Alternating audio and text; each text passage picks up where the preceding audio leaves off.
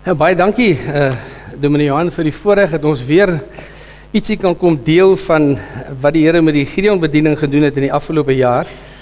Um ons is eintlik bederf uh dat ons so baie keer toegelaat word om met julle te kom gesels. Um en dit is regtig vir ons 'n voorreg. Ek ek sê regtig daarvoor dankie. Jy weet ons gemeente, soos julle nou sal onthou, is pas deur 'n reeks oor die waarde van die woord. En ek wil net so by een of twee verse daarvan 'n uh, aansluiting vind in 'n kort boodskapie wat ek net uh, vir u wil bring voordat ek nou meer oor die Gideons praat. Weet as Paulus hierdie brief aan Timoteus skryf en jy weet hy hy Timoteus eintlik beskou as sy sy seun in Christus, dan is dit eintlik Paulus se testament wat hy in 2 Timoteus vir uh, vir Timoteus skryf.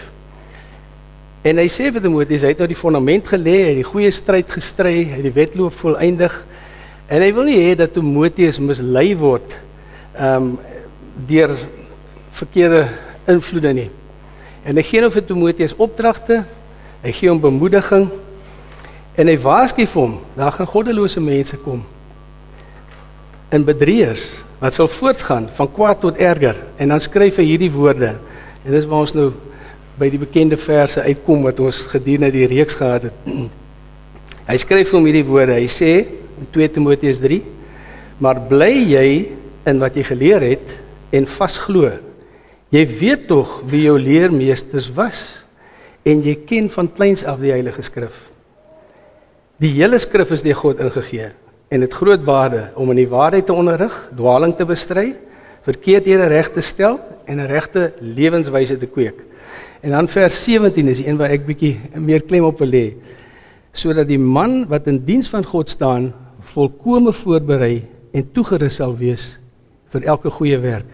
Net in die vorige hoofstuk, 2 Timoteus 2 vers 21, dan skryf Paulus hierdie woorde vir Timoteus en hy sê as iemand hom van die kwaad gereinig het, sal hy 'n voorwerp vir besondere gebruik wees. Dan sal hy vir die dienaar afgesonder en bruikbaar wees voorberei vir enige goeie diens. Paulus lê klem op hierdie voorberei vir elke goeie werk. Nou daar's baie dinge hier in die gemeente wat ons kan doen vir die Here en ook buite die gemeente waar ons betrokke kan raak. Ek het nou vanoggend hier saam met die diensspan gebid voor die tyd en hulle is nou al vroeg môre hierso. En regtig, ek dink nie ons besef almal hoeveel werk hulle doen vir die gemeente nie. Maar hulle doen dit met vreugde vir die Here. Ons is buite die gemeente ook betrokke om die woord te versprei. En dit is met vreugde wat ons dit doen. Want jy weet Paulus, ag ja, Jakobus skryf baie in sy brief en dan sê hierdie woorde, veral eh, Jakobus 2 vers 18.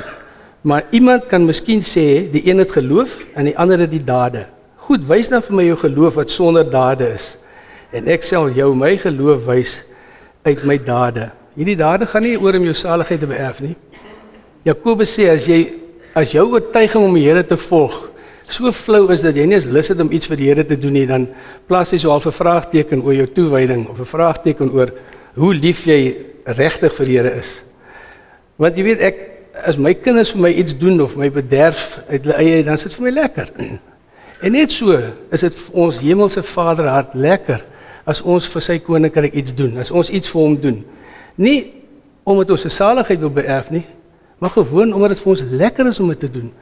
Ek het nou in die loop van die week met hom en die Chris gepraat oor hierdie ding dat dit wat 'n voorreg is dit om vir die Here te werk en hoe lekker is dit en die goed wat oor jou pad kom. En as jy nie betrokke raak nie, dan beleef jy nie hierdie goed nie. Die seëninge wat die Here oor jou pad wil bring. Dink nou net so 'n bietjie aan die apostels.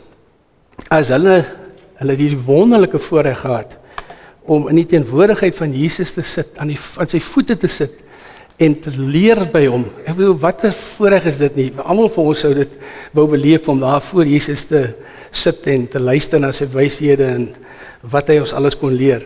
Maar as dit nou net daarby gebly het en die apostels het net gebly luister en voller en voller geraak van die liefde van Christus en niks verder gedoen nie, hoe sou die evangelie versprei het? Hoe sou die evangelie byvoorbeeld na Indië gegaan het? Jy weet van hierdie ek noem vir die paar van die apostels Thomas, die ongelowige Thomas, het na Indië uitgewyk en hy het die evangelie soontoe gebring en hy is ook later daar vermoor. Filippus, een van die ander apostels, Hy het so ver gegaan volgens oorlewering na Frankryk om vir die Franse die ehm um, evangelie te gaan bring.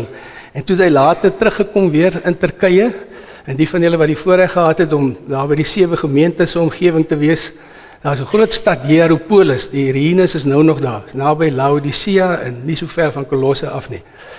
En uh Filippus se bediening in Hierapolis was so effektief en het soveel uh, siele vir die Here gewen dat die oppositie natuurlik niks daarvan gehou het nie. En Filippus is op die ou einde daar in Hierapolis uh gekruisig. Matteus, die tollenaar, het volgens oorlewering na Ethiopië uitgewyk waar hy ook later vermoor is. Jakobus die seun van Alfeus, hy het na Sirië gegaan en die evangelie daar versprei. En dan sien jy onthou van Matthias, nê, nee, wat in die plek van Judas Iskariot gekom het. Hy het so ver gegaan soos Sebastopol aan die noordkus van die Swart See en die evangelie daar gebring. En Antonius en Nathanael, Nathanael is ook bekend as Bartolomeus, dieselfde ou. Hulle twee het so ver gegaan soos Armenië om die evangelie daar te versprei. En uh, te loops interessant is alwe Armenië was die eerste amptelike Christen land in die wêreld. Kan jy dit glo? En dan was daar nog Simon die Yweraar of die, die Engelse Bybel praat van Simon the Zealot. Nou Simon het deur Noord-Afrika gegaan, Egipte, Libië, Mauritanië, hy's oor na Spanje en selfs so ver soos die eilande wat ons vandag ken as die Britse eilande. Die ouens het nie net gesit en luister nie. Hulle het gedoen. Hulle was nie bang nie.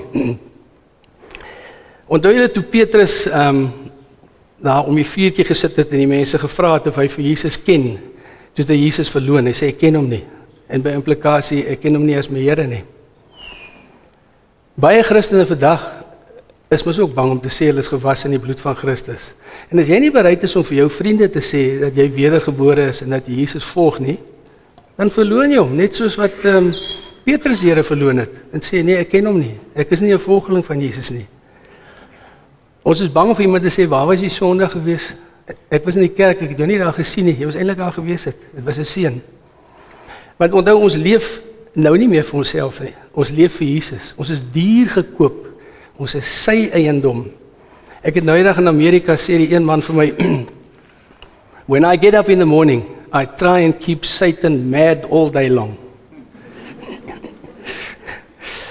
So as Christene en ook ons as Gideons wat natuurlik ook Christene is, kan ons nie bang wees om te vertel van die liefde van die Here nie en om die waarheid te deel nie. Onthou Paulus het vir Timoteus gesê, die hele skrif is deur God ingegee. Dat ons die woord sal ken en dat ons ons deel sal doen as Christene, as kinders van die Here en sy Vader hart ook bly maak. Nou, ek het vroeër vanjaar hoef nie so lank terug nie, so 'n paar weke gelede het ehm um, ek hier so by die diens het 'n jong dametjie langs my gesit en sy vra vir my nou wat doen die Gideons eintlik? Nou ek het al 'n paar keer hier gepraat oor die Gideons en toe sê dit my duidelik ek het nie baie goeie job gedoen nie. Want sy sy het nog nie verstaan wat ons doen nie. Toe dink ek maar nou moet ek 'n ander plan maak. Ek gaan op julle prentjies wys. En kyk of dit help om te verstaan presies wat dit is wat die Gideon ons doen. En nou hoop ek hierdie klikker werk. Hy werk nou nog nie.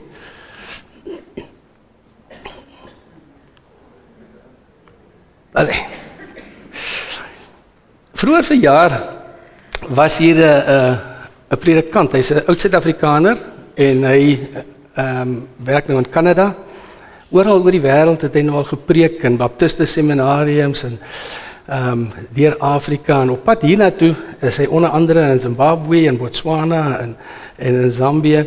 Maar hy vertelde vir ons dat hy by geleentheid gepreek in Kroasie.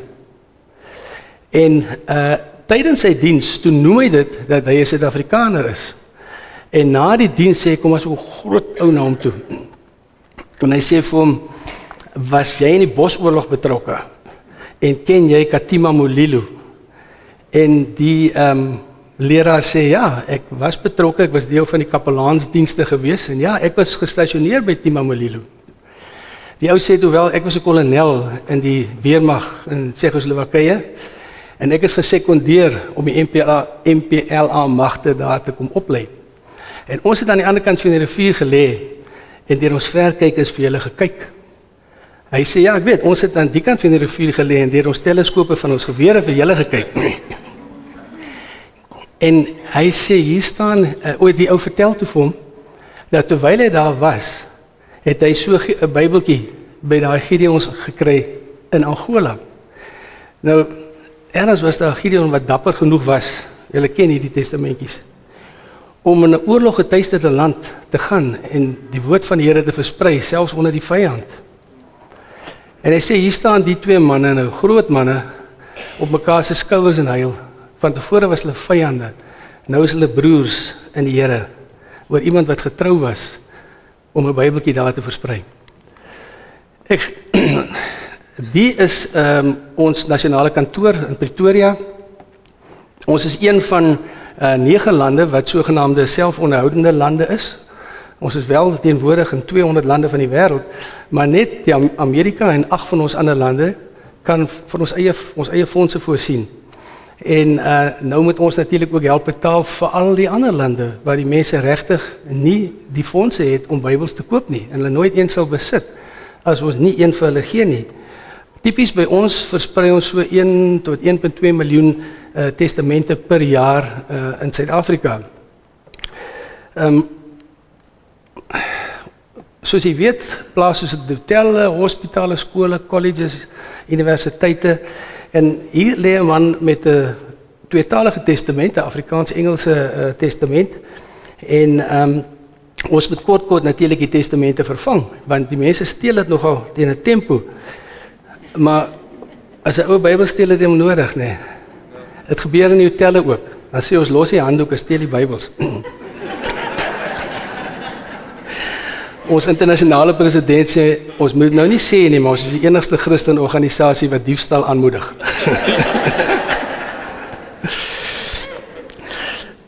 nou ehm um, ons vrouens is nou ook net so betrokke en jy weet byvoorbeeld hier wel in 'n hospitaal as jy die voorreg om met moslim vrouens of moslems te praat, met enigiemand te praat en die geleentheid te kry om die woord van die Here te versprei. Gideon het by geleentheid so in 'n kerk gepraat soos wat ek nou doen. En ehm um, op 'n stadium staan daar 'n jong man op. Niemand weet wie hy is nie. Die Gideon weet nie wie hy is nie. En die ou vertel sy storie. Hy sê sy naam is Willem. En hy het nou buite gestaan voor die kerk en geluister hoe sing die mense. En daai oggend het die vrou vir met saam met wie sy vrou gewoonlik ry werk toe, het sy hulle genooi om saam kerk toe te kom want die Gideon ons is die dag daar. En hy sê hy het gevoel hy wil kom want hy voel hy ken die Gideons.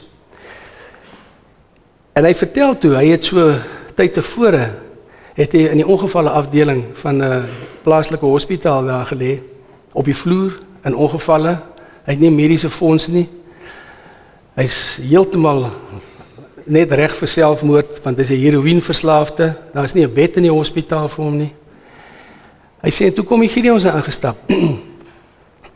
en hy sê meneer met die laaste bietjie krag wat ek oor gehad het, het ek my hand uitgesteek en ek het daai Bybeltjie uit jou hand gevat. Dis daai Gideon wat praat wat die Bybeltjie vir hom gegee het.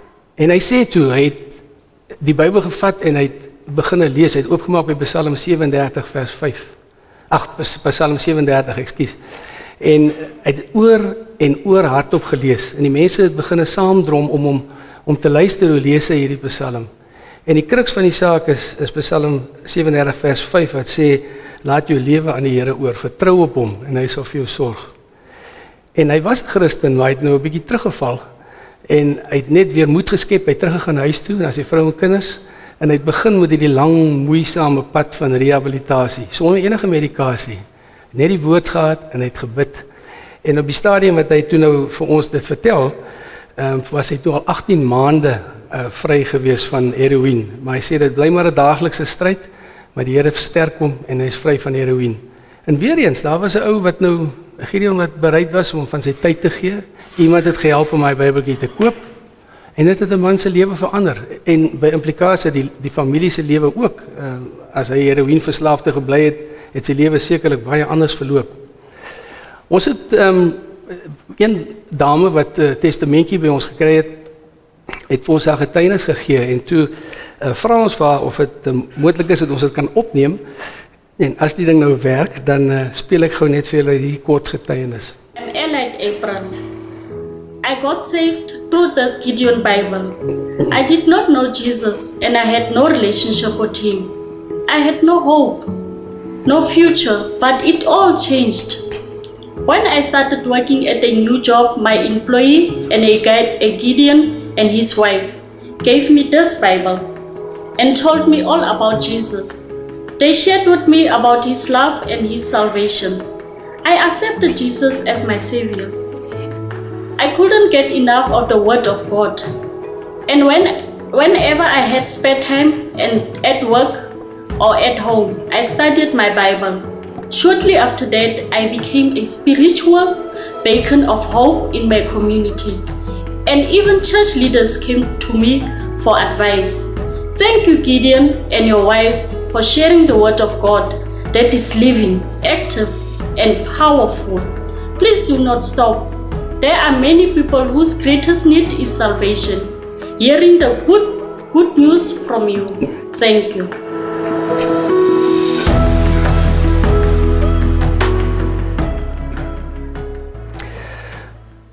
Nou daar is areas in ons land waar daar nie Gideons is nie of waar daar nie mense is wat kwalifiseer vir Gideons as Gideons nie. Met ander woorde, professionele of sakemanne en mense wat die Here aangeneem het as hulle persoonlike saligmaker en bereid is om die ekstra myl te loop nie.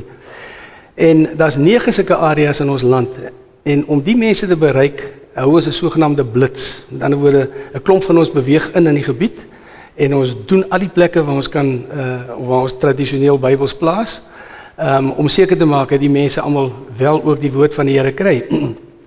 nou een van die gebiede wat ek nou van gaan praat is uh, die Transkei.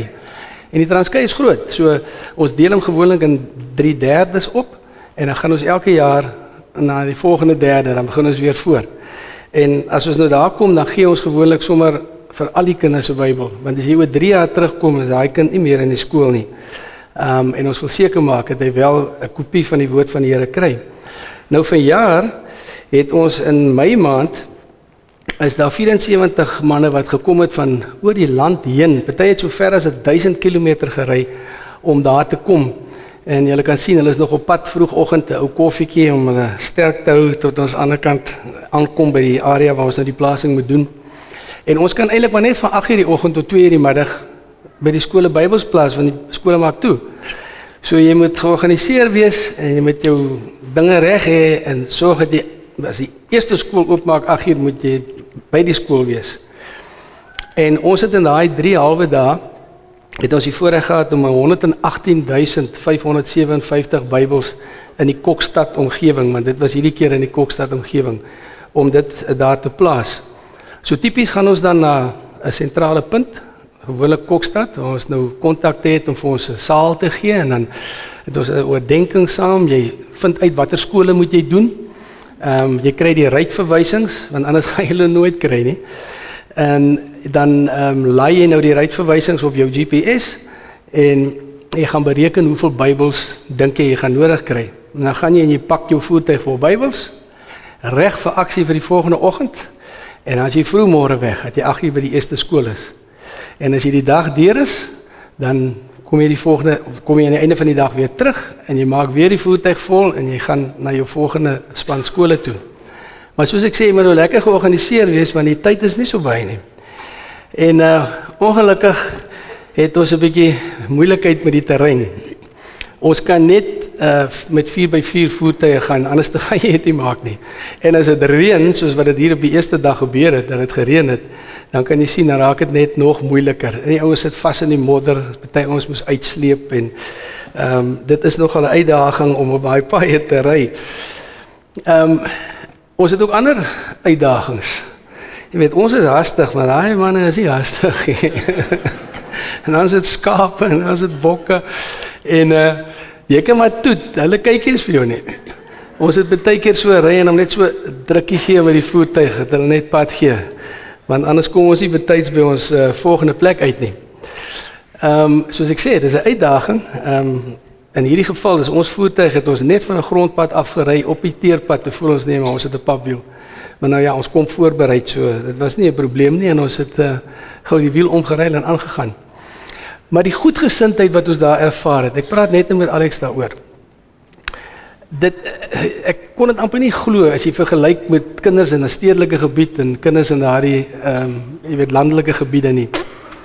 Hulle is so dankbaar dat ons daarna toe kom. In hierdie geval het 'n visiehoof vir ons hierdie brief van bedanking geskryf om te sê dankie dat julle party van julle oor 1000 km gekom het net om vir ons kinders te kom Bybels gee. En dit regtig groot waardering daarvoor gehad.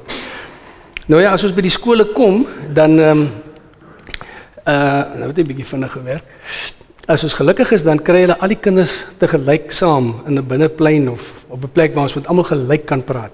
En dan het jy so 'n klein bietjie meer tyd en ehm um, dan gaan ons met in elk geval probeer ons altyd met hulle deur die pad van saligheid gaan. Nou die van julle wat al Bybeltjies by die skool gekry het, sal onthou, ehm um, agterin is die pad van saligheid opgesom. Met ander woorde, wat moet ek doen om die Here aan te neem as my persoonlike saligmaker? Dat God jou liefhet, dat ons almal gesondig het, dat daar 'n oplossing vir die sonde is. En as ons glo dat die Here vir ons gesterf het en opgestaan het uit die dood vir my dan sal jy gered word. En dan is daar 'n 'n Sondagsgebed en dan 'n paar verse om jou te verseker dat uh, jy wel 'n kind van die Here is. Ehm um, maar dis nie ons is nie altyd so gelukkig nie, maar dit help regtig tydgewyse as jy nou so ehm um, 'n klomp te gelyk bymekaar kry. Daar's nog 'n klomp. Ek sien die kinders is netjies aangetrek. Hulle luister vir jou. Hulle is ordelik. Ehm um, party skole is groter, ander is weer, sjoe, nou hardloop hy omtrent. Ander is weer 'n bietjie kleiner. Ah. Ek wil nou nie onderbreek nie, maar ja, maar dan moet ons van klaskamer tot klaskamer gaan. Baie keer moet ons eintlik maar dit doen. Ehm um, en dan jy ook doen ons dieselfde, maar dit vat nou maar net langer. En agter in die Bybel is daar 'n plek waar jy jou naam kan skryf. Ehm um, en ons vra altyd vir hulle om seker te maak dat as hulle 'n naam daar skryf, dat hulle ehm um, wel die Here aangeneem het. Jy weet baie keer eh, daar kan jy sien as jy nou in die klas is en die kinders sit by 'n bank dan uh en het 'n pen dan kan hy nou sy naam daar skryf. En baie keer gebruik hulle die Bybels as teksboeke. Hulle het finansiële druk en hulle het nie ehm um, uh, genoeg boeke altyd nie. En dan gebruik hulle hierdie Bybeltjies om hulle Engels te oefen.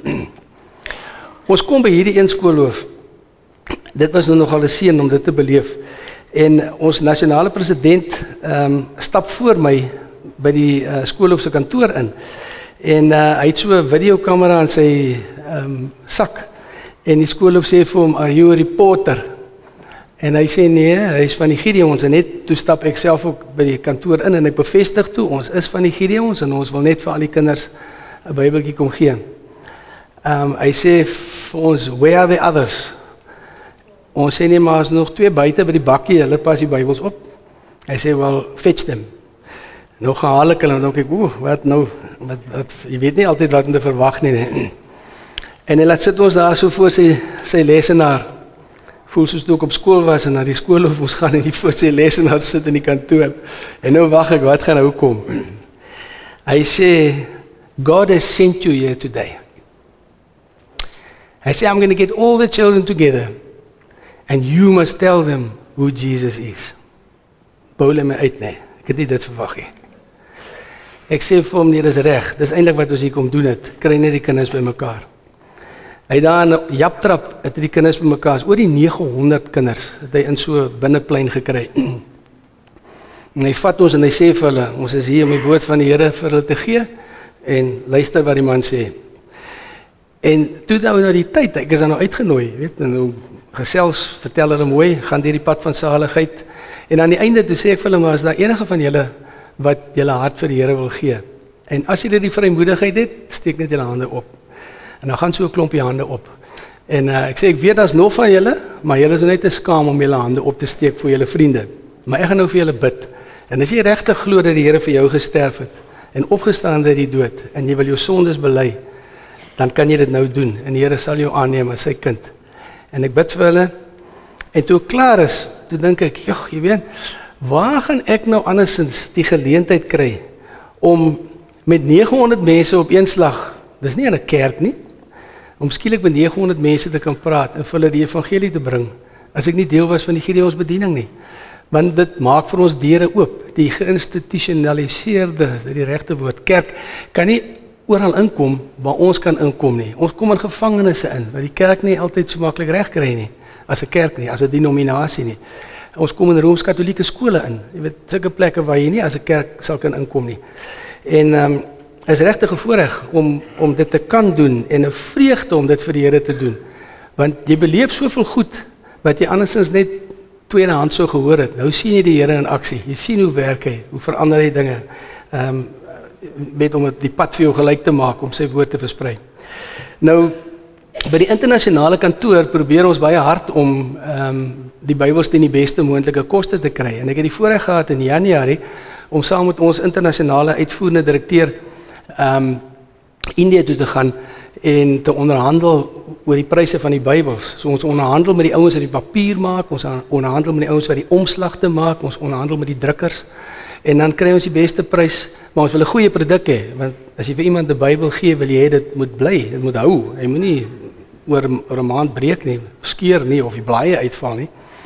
En ehm um, met hierdie onderhandelinge het ons toe nou net so onder 'n half miljoen dollar gespaar. So met die wisselkoers is dit seker so wat 7.2 miljoen rand of so iets. Ehm um, net met daardie een onderhandeling. En om te sien die die Christene in ehm um, in Indië, daar's 3% Christene. Maar ons gaan na die kerk toe dan en dis 'n groot kerk en dan dit buite nog groot areas onder dak waar die mense kan sit en dan's daar drie dienste. En daar's massas voertuie. So as jy stop voor die kerk, dan's daar 'n ou wat soos 'n speedkop is en die deur oopmaak en jy iets soos 20 sekondes, ek vergeet nou presies hoe lank, moet jy uitklim en ingaan en dan met die kar ry. Ehm um, en dan om, om saam met hulle te kon aanbid was ook regtig 'n 'n bonus uh, om dit te beleef. Nou in Indië versprei ons die Bybel in 26 verskillende tale. En verlede jaar het hulle 16.5 miljoen testamente in Indië versprei. Nou dis 'n groot koste en ehm um, dis hoekom ons ook van mense wat voel hulle wil deel wees van die van die bediening ook vir ons help om die koste te dra om al hierdie testamente te koop.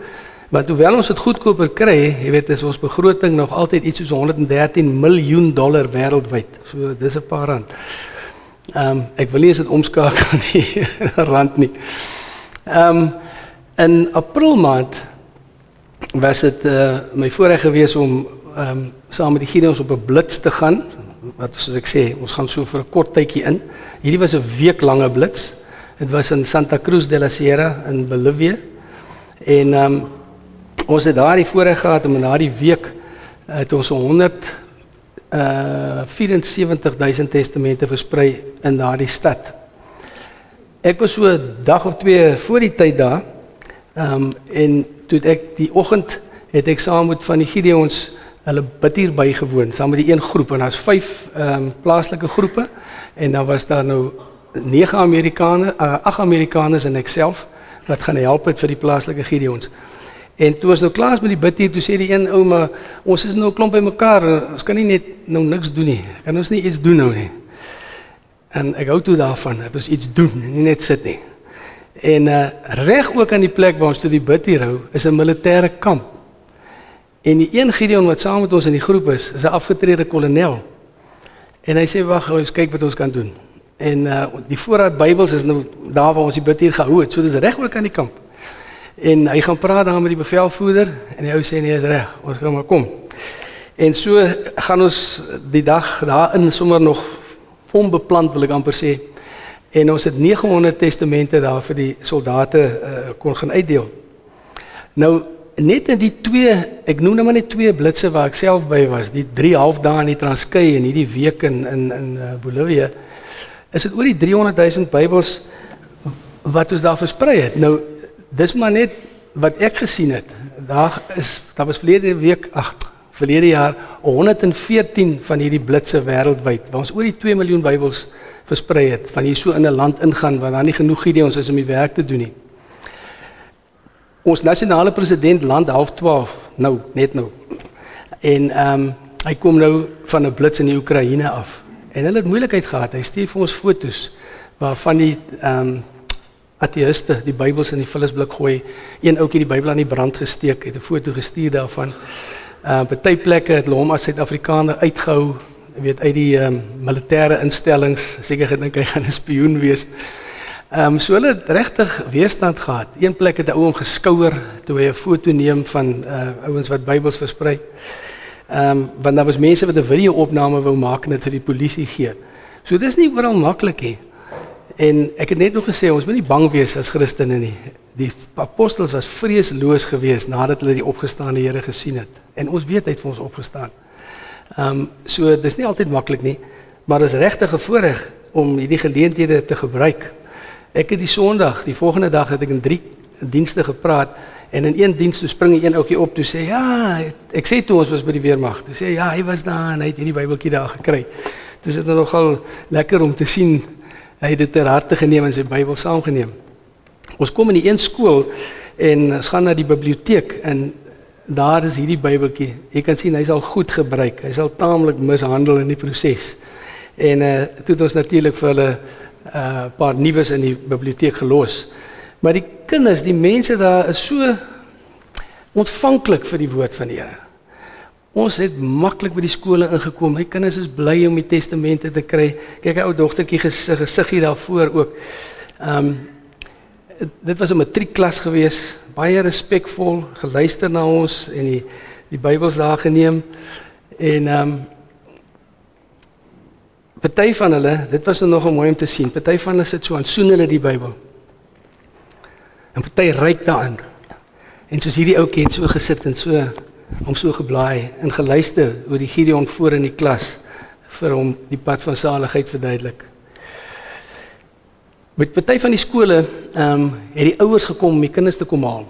En nou staan ons wag ons om in te gaan en weer eens dink ons maar ons gaan nie tyd mors nie, kom ons doen 'n ding. En toe het ons met die ouers gepraat, wat daar staan en wag en kon ons ook vir die ouers testamente gee. Die een skool wat ons by gekom het was 'n Rooms-Katolieke skool. Nou die Rooms-Katolieke is nie so lus om ons altyd toe te laat nie. Hulle wil nie hê die kinders moet self die Bybel lees nie. Hulle wil vir hulle sê wat staan in die Bybel dat hulle kan beheer hê oor die woord. So ons kry baie keer oppositie van die Rooms-Katolieke. Maar ons kom by die skool en ons weet hoe daar's omtrent 1000 leerders in die skool. En die plaaslike Gideon sê vir ons maar hulle het nog nooit die Gideons toegelaat om in te kom nie. En ons besluit nie maar as reg dan staan ons op die sypaadjie as die kinders uit die skool uitkom. En die interessante ding was die ouers nê het die kinders so gekanaliseer na ons toe. As hulle uitkom dat hulle by ons verbykom um, en vir hulle testamentjies gee. Nou daar's 'n 100 in 'n boks, so jy kan gou sommer net deur vinnig te kyk 'n idee kry van hoeveel het jy nou al versprei. En ek loop so en ek sien daar's omtrent so 9 bokse, so as ons net 900 al uitgedeel. En hier kom die non nou uit. En sy vertel vir my in Spaans maar ek moenie hier staan nie, ek moet ook aan die pad gaan staan en ek verstaan so 'n bietjie wat sy sê, maar um, ek maak toe man of ek nie verstaan nie sien. En toe sê nou 'n lang relaas nou gelewer het, toe sê ek van jammer, maar ek sê toe van Spaans, ek sê jammer, ek verstaan nie Spaans nie. Toe stap sy na die ouetjie toe. Dis toe een van die ander Gideons. Hy was nog 'n kordaat. Hy staan so so casual daar. En uh, nou vertel sy vir hom dieselfde storie. En ehm um, later sê vir haar, gee vir haar Bybeltjie, sê hierso, lees wat daar staan. Dis nou in Spaans. En sy staan so tydjie en lees. Sy sê ja, maar hier's nie verduidelikings in om vir die kinders te verduidelik wat dit beteken nie. Hy sê soos wat Johan altyd sê, man lees 5 verse voor die tyd en 5 verse na die vers en as die Heilige Gees jou lei. En dit was 'n bietjie uitgebou. Toe staan sy, jy weet sy nie wat om te sê nie. Maar toe in daai tyd het ek gesien dat kom nie meer kinders uit die skool uit nie. Toe sê ek, "Oké, okay, ons sal gaan, ons sal gaan." Maar toe het ons al 1000 Bybels uitgegee. Daar was nie meer kinders nie. Ehm um, ek het gekyk. Ja, hulle drie sessies skool, nê, in die oggend en die middag en in die aand. Jy kan seker nou nie die tyd sien nie, maar dit is kwart voor 8 die aand. En ehm um, daar kom massas mense, uh, ook volwassenes na hierdie aandskole toe om hulle verder te bekwam. En ehm um, ons was toe 'n paar groepe wat daarin is om nou gou almal te bereik terwyl dit nou nag is. En ek het nou my deeltjie klaar gedoen en ek staan voor die skool en ek sien hierdie ouetjie dwaal so dwaal so in die ronde. Maar nou ek kan nou nie met hom Spaans praat en sy evangelie vir hom bring nie. En toe sien ek uh, een van die plaaslike Gideons gaan na hom toe en hy praat met hom en hy vertel hom van die evangelie en hier bid hy saam met hom, die ouetjie die Here aangeneem. Die vorige aand toe neem die een uh, president van die een laer ons maar ons terminologie, die een sê maar voorsitter van die een groep neem ons vir ete. En die, van die Amerikaners sit hier langs my en die een ou sê vir my later, "Hey, kyk jy agter jou stoel." En ek kyk om en hier staan daai voorsitter van daai groep en hy lei hierdie drie kelners na die Here. Agter my, ek sien nie hy's besig om mee nie. So ons het nou hieroor gepraat. Ek het van tevore uh mos so ietsie hier so aangebied oor persoonlike getuienis. Ons moet elke geleentheid gebruik. En as jy so 'n testamentjie in die hande, dan is dit net soveel makliker om self vir die ou te laat lees agter deur die pad van saligheid te gaan. Maar ons moet elke geleentheid gebruik. Ehm um, toe ons nou terugkom, dit was die laaste dag. Ek weet nie hoe goed julle dit nou in hierdie lig kan sien nie, maar daar's twee reënboë. Ek het dit net my uh, hotelkamer geneem. En toe sit net vir my asof die Here vir ons beloof maar hy sal die werk eer wat ons in daai stad gedoen het. En ehm um, wat 'n voorreg was dit nie om om te kon deel hê daaraan nie. Terug in ons eie gemeente. Ehm um, na ek 'n vorige keer hier gepraat het, toe een van die meer bejaarde dames in die gemeente vir my hierdie gestuur. Hierdie geld wat sy oor tyd bymekaar gemaak het. Want sy het die visie gevang ehm um, op daardie dag met oor waarmee ons besig is om die gedrukte evangelie in 100 ehm um, in vier tale te versprei in 200 lande. En dit het nogal regtig vir my klein laat voel en my laat dink aan die ehm um, eh uh, bedewe in die in die Bybel wat die laaste bietjie wat sy gehad het of van die bietjie wat sy gehad het dit te gee om die woord van die Here te versprei. Nou ek hoop nou hierdie werk maar ek weet die mense van Afrika het mos nou een besondere talent en dis dat hulle so mooi kan sing, spontaan sing. Jy praat met die kinders, jy gee hulle Bybels en dan trek hier een weg en dan sing hulle a cappella in stemme. Jy weet dit is pragtig. Ek speel graag vir julle net so kort stukkie. Ek laat stop, ek wil nie te lank aangaan nie.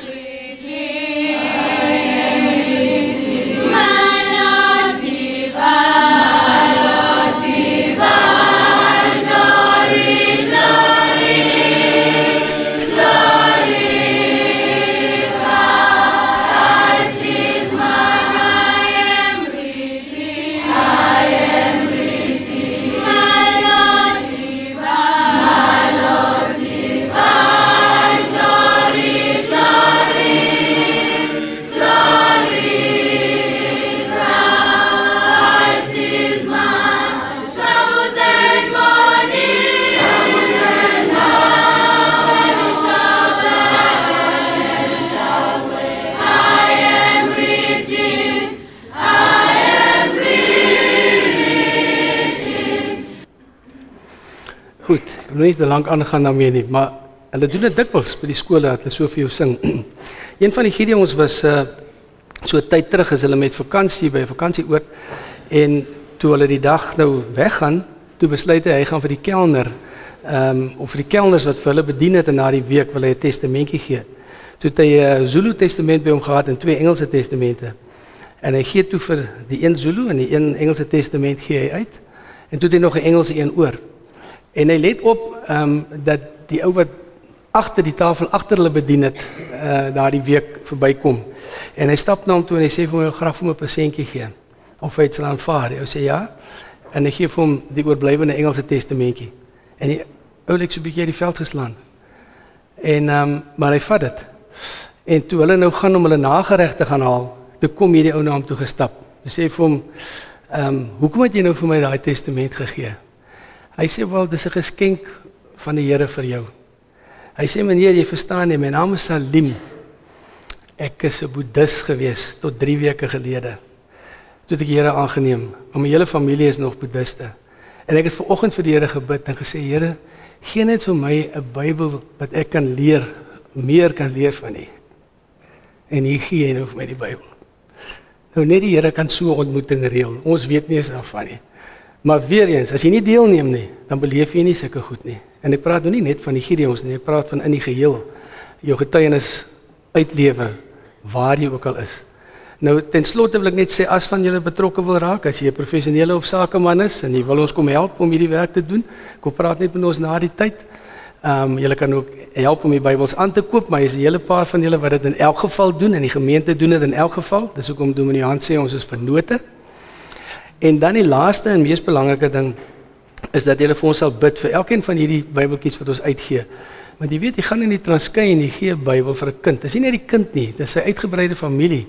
Hy vat die Bybel huis toe en hy gaan lees daar vir hulle voor. So dit raak 'n klomp mense se lewens, nie net een persoon se lewe nie. Maar dat jy sal bid dat die Heilige Gees deur die deur sy woord hierdie mense se harte sal aanraak. Want so waar jy weet wat die politieke situasie is. Ek dink daar's geen ander oplossing net as dit mense regtig die Here leer ken en hom volg nie. En ons is ernstig om sy woord so vinnig en effektief as moontlik te versprei. Nou baie dankie vir die voorreg om weer met julle te kom praat. Ek hoop die dametjie wat nie verstaan het wat ons doen nie, het nou die prentjies gesien. en verstaan nou wat dit is wat die Gideon ons doen. Ehm um, ek weet nie wat ja. Ek sien nou nie iemand anders nie, dan gaan ek maar afsluit met gebed voordat ehm um, ons nou weer sing. Kom ons net die oë sluit. Here, ons sê net vir U dankie vir die voorreg wat ons het om as U kinders vir U te kom werk en die vreugde wat dit vir ons bring en om vir U letterlik in aksie te sien op tye wanneer ons dit nou glad nie verwag nie of waar ons allermins dink dat sake gaan so goed vir ons uitwerk om U woord te versprei. Ons eer U daarvoor. Ons dank Here dat ons U kinders kan wees en ook dat ons kan deel wees van hierdie gemeente waar ons weet dat U woord suiwer verkondig word. En ons vra dat U ook nou met ons sal wees waar dan nou 'n skoolvakansie voor lê en mense moontlik en te gaan ry dat U ons veilig sal bewaar op die pad en dat ons ook 'n blaaskansie sal kry indien dit ons voorreg is om dit te doen.